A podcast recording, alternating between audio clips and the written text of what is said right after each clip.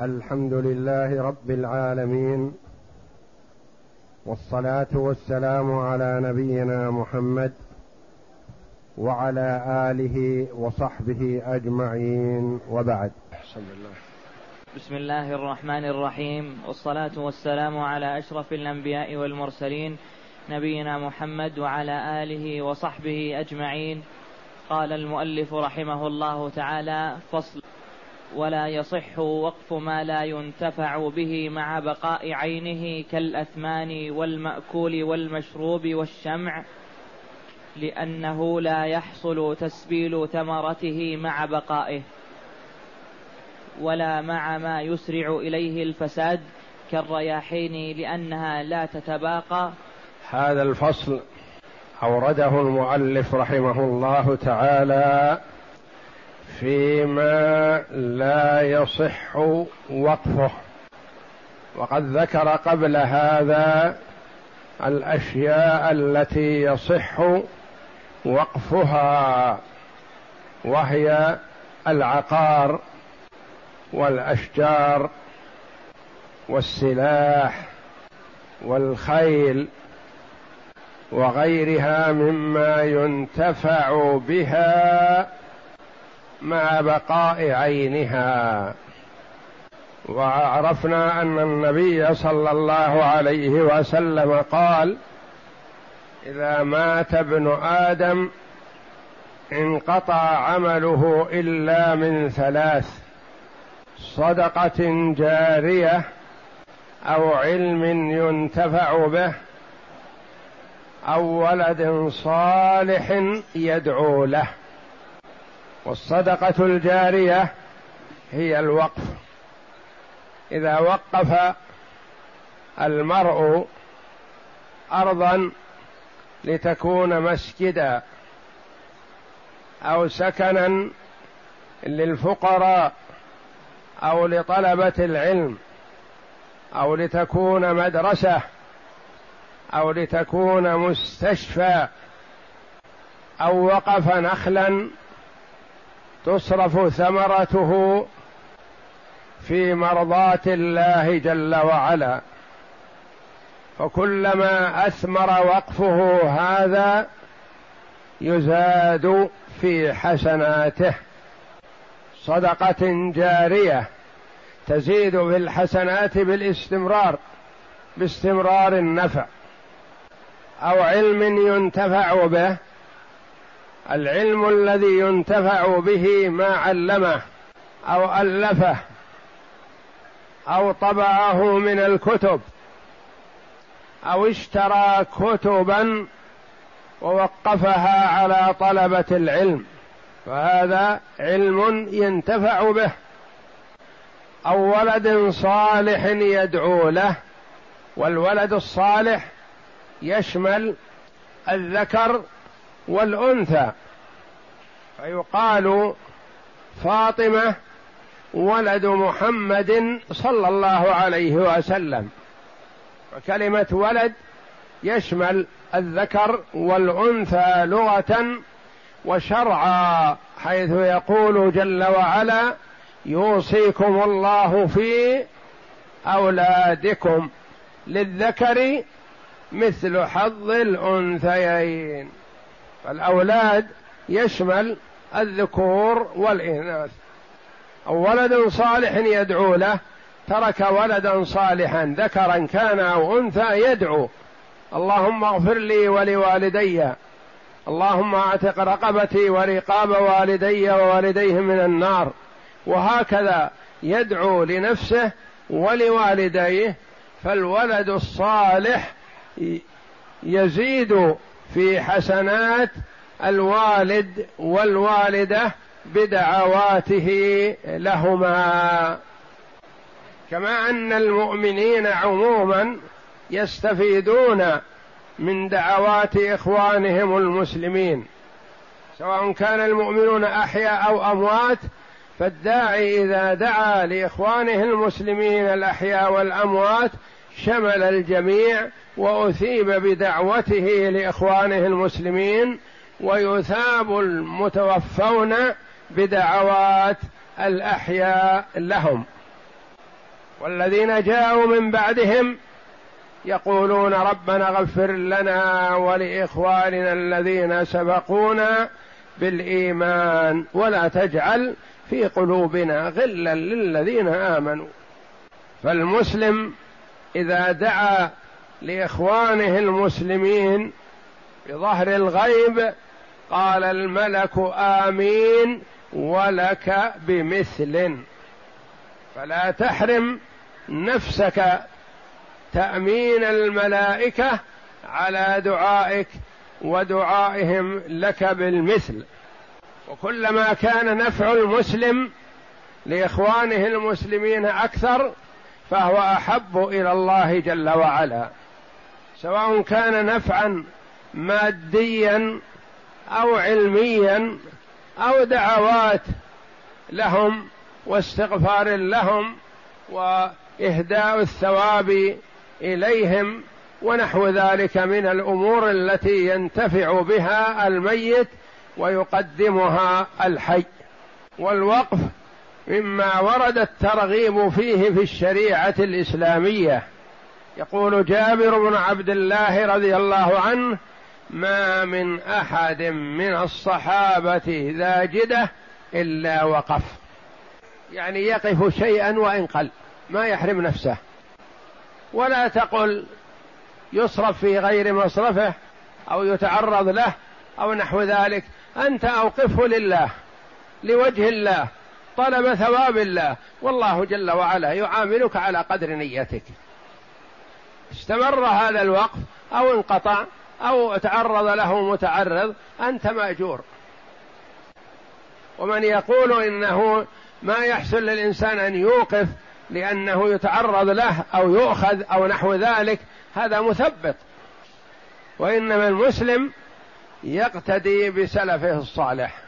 الصحابة رضي الله عنهم. ما من أحد ذا جدة إلا وقف. يقول جابر رضي الله عنه.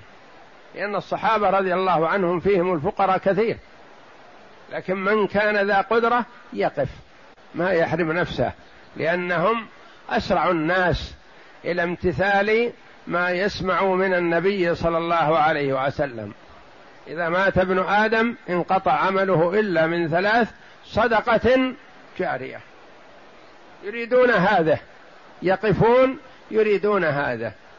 وأي وقف على جهة بر فأنت مأجور عليه.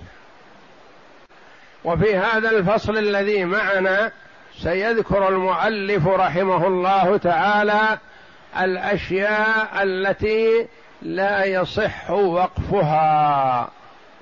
ثم يذكر رحمه الله على من يكون الوقف. فمصارف الوقف لا بد أن تكون متمشية على ضوء الشرع. ما يأتي الإنسان بمصارف من عنده ما وردت في الشرع ولا هي من مصالح المسلمين. يقول رحمه الله ولا يصح وقف ما لا ينتفع به مع بقاء عينه كالأثمان. الأثمان النقود الذهب والفضة. تقول هذا ألف وقف ماذا يستفاد منه؟ إلا إذا اشتري به شيء يؤكل وإذا اشتري به شيء يؤكل ذهب. انتهى. الوقف في شيء ينتفع به ويبقى. أرض تكون مسجد. يصلي بها المسلمون باستمرار وهي باقية. أرض تكون سكن للفقراء والمساكين. كذلك. تكون رباطا لطلبة العلم. كذلك. تكون يكون ريعها على تعليم العلم وعلى قراءة القرآن. نعم. يكون ريعها يصرف للفقراء نفسه نفس الريع. والعين باقية. ولا يصح ما لا ينتفع به مع بقاء عينه. ما ينتفع بالدراهم وهي في الصندوق. ما ينتفع بها. ولا ينتفع بها وهي في الجيب. وإنما متى ينتفع بها؟ إذا بذلت. وإذا بذلت في طعام ونحوه حينئذ انتهت. أكل هذا الطعام. تكون صدقة. يكون فيها خير. وليس المراد أنها ليست صدقة لا هي صدقة. وقد يكون أحيانا الانتفاع بالشيء الذي يتلف أكثر وبحسب النفع. والمسلم ما يحرم نفسه لا من هذا ولا من هذا. يوقف وقفا باقي ويتصدق صدقة تنفع. فالوقف له منافع والصدقة لها منافع. إذا وقفت مثلا أرض تكون مسجد مثلا. هذا حسن. لكن فيه جياع من المسلمين يحتاجون شيء يأكلونه. فتتصدق عليهم بالدراهم والدنانير. كالأثمان. الأثمان ما قال كالذهب والفضة. لما؟ قال الأثمان يعني الثمن.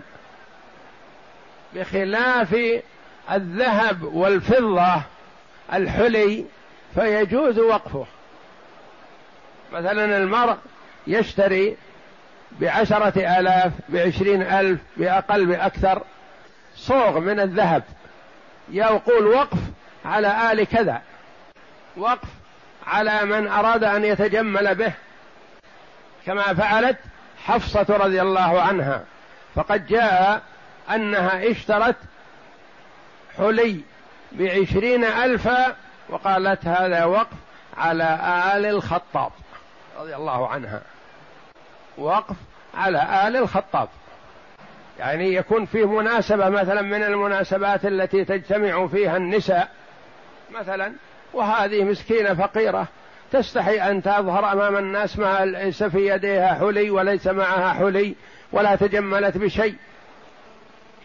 فتستعير هذا ألو... هذا الذهب الموقوف وتتجمل به أمام الناس.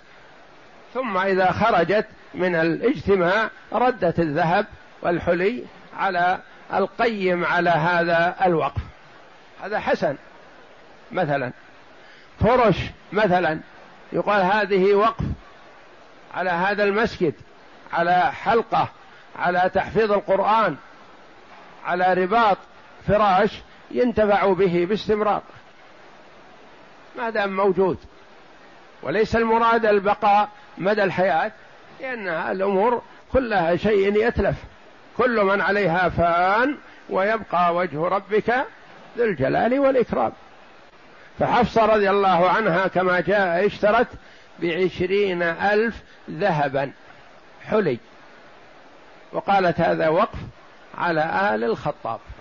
يعني على أسرتها. على بني. بنات الخطاب عند الحاجة إليه. والسلاح كما تقدم يجوز وقفه ينتفع به في الجهاد في سبيل الله والخيل ينتفع بها في سبيل الله. مثلا هذا اشترى سيارة ووقفها على الدعاة إلى الله جل وعلا.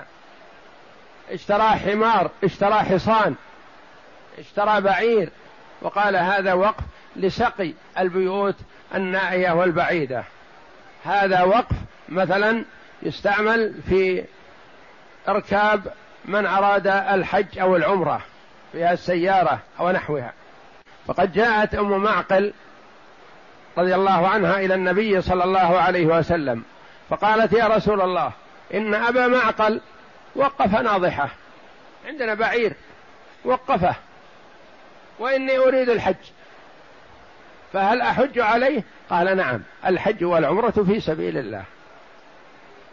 فهذا موقوف مثلا للجهاد في سبيل الله موقوف للعمل الصالح موقوف على الدعاة موقوف على الفقراء الذين يريدون الانتقال من مكان إلى مكان مثلا موقوف ينتفع به مع بقاء عيناه. كالأثمان فالأثمان التي هي الدراهم والدنانير النقود فرق بين الذهب والفضة والأثمان الذهب والفضة يجوز وقفها إذا كانت حلي. أما الذهب والفضة أثمان يعني نقود ما يجوز. وبعض العلماء رحمهم الله قال حتى النقود يجوز وقفها لأنه ممكن أن يقترضها المرء وهذا له وجه. يقول مثلا أنا ما أريد الزكاة وأنا أريد الزواج وما عندي تكلفة زواج. والزكاة لا أريدها. لأني آمل أن يغنيني الله ولا أحتاج إلى الزكاة لكن ما عندي شيء في الوقت الحاضر. فيقال خذ هذا الوقف دراهم موقوفة اقترضها. سلف عندك سنة سنتين أكثر أقل. فإذا كان لهذا الغرض فهذا وجه صحيح والله أعلم. يدل على أنه يجوز وقف الدراهم والدنانير من باب القرض. قال بعضهم لأن اللي ما يجوز تأجيره ما يجوز وقفه. ما لا يجوز تأجيره لا يجوز وقفه. والدراهم والدنانير ما يجوز تأجيرها.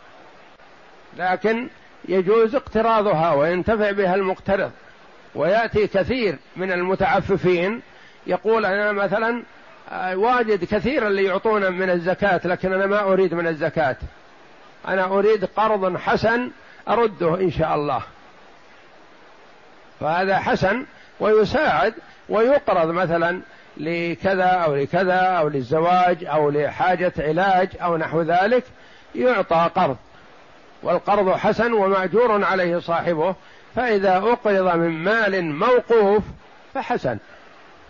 والمشروب المشروب الذي هو محدد. بخلاف مثلا العين والبئر هذه يصح إيقافها. لكن ما في راوية مثلا يقول هذا وقف. لا يا أخي قل قل هذا ما يصلح وقف وإنما هذا صدقة. تصدق به مأجور. أحضره إلى الناس في وقت يكون محتاجين إلى الماء. في عرفات في منى في الطرق الماء في البرية. أو تصدق به أنت مأجور. لكن ما تقول هذا وقف لأن الوقف هو ما ينتفع به مع بقاء عينه. وهذا ما ينتفع به إلا إذا أتلف. والمشروب والشمع الشمع الذي يصلح وقود في المساجد مثلا ونحوها. ما يقول هذا الشمع وقف؟ يقول الشمع ما ينتفع به إلا إذا أتلف. ما يبقى. السراج وقف. نعم. أوقف السراج أوقف الفراش أوقف أشياء باقية معقول لكن شيء يتلف ما يصلح أن يوقف وإنما يقال له صدقة. لأنه لا يحصل تسبيل ثمرته مع بقائه. الوقف الذي ينتفع به مع بقائه. أما الذي ينتفع به مع فنائه هذا لا يكون صدقة وليس بوقف. ولا ما يسرع إليه الفساد. كالرياحين. مثلا يقطف زهور يقول هذه وقف. ويجعلها مثلا في الأماكن العامة أو كذلك شم منها الرائحة الطيبة. نقول لا يا أخي هذه صدقة. تصدق بها؟ نعم. كل شيء تصدقت به وانتفع به المسلمون تؤجر عليه. لكن ما يقال إن هذه الرياحين وقف لأن هذه ساعة ساعتين يوم وتنتهي. ما تبقى.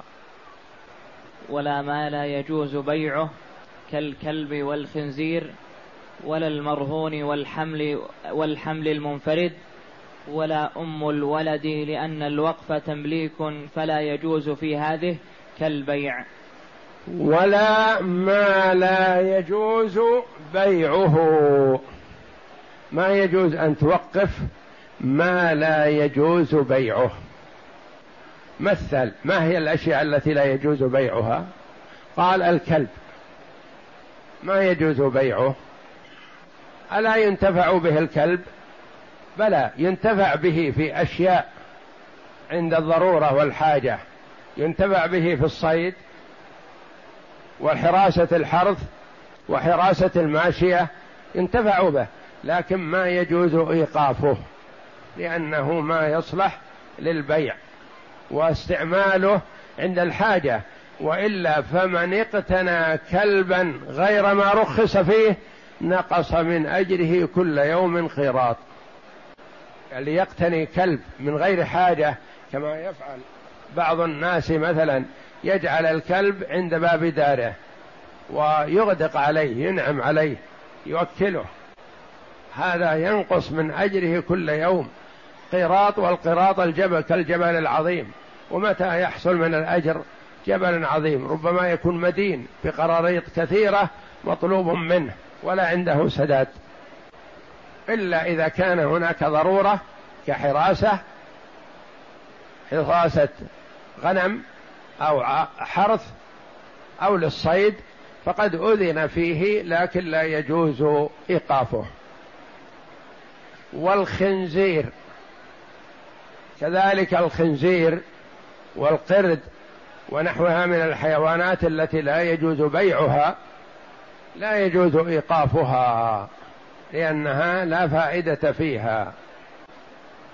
ولا المرهون.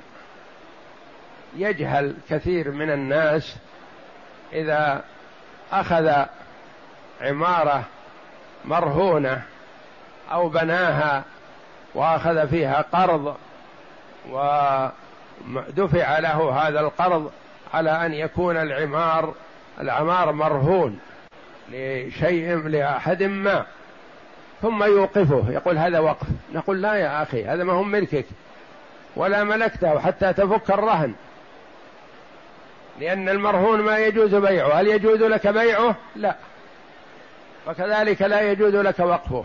لأنه تعلقت به حق الغير. ليس لك حتى توقفه. إذا فكدت الرهن عنه تصرف فيه كيفما شئت. فإذا وقفته مثلا وحكم بالوقف حاكم معناه حرم حق المرتهن. المرتهن له حق. تعلقت مصلحته بهذا الشيء فهو يطالب إذا لم تسدد يطالب ببيعه والموقوف ما يباع. فكون بعض الناس يبيع المرهون أو يوقف المرهون وهو ليس عنده سداد للرهن ما يجوز وقفه ولا يجوز بيعه. إلا إذا تواطأ هو والمشتري مثلا على أنه يدفع له شيئا من القيمة ليسدد الرهن يبرئ الذمة ثم يتم البيع بعد هذا. ولا المرهون والحمل. الحمل ما صار شيء إلى الآن. ما يدرى. ذكر أنثى حي ميت سليم عايب مريض ما يدرى. ما يوقف عليه. ولا يسوغ له أن يملك. لكن مع غيره يجوز. يكون دخل تبع. الرجل مثلا يقول هذه العمارة وقف على ذريتي أولادي. هذه العمارة وقف على أولاد فلان بن فلان. وبن فلان وفلان بن فلان ما شاء الله كل سنة يأتيه ولد أو ولدين. وله أولاد حاضرون. يدخلون الأولاد الجدد تبع الوقف لأنهم تبع أو من أوقف عليهم لأنه وقفه على ذرية فلان أو وقفه على ذريته ونحو ذلك هذا ينفذ. لكن وقف على حمل واحد فقط ما يسوق. ولهذا قال ولا المرهون ولا الحمل المنفرد. حمل ما توقف عليه منفرد وحده لكن حمل مثلا موجود وأخوته موجودون تقول على أولاد هذا الرجل أو أولاد هذه المرأة الموجود ومن سيوجد؟ المولود ومن سيولد؟ يصح. ولا أم الولد لأن أم الولد ما تباع.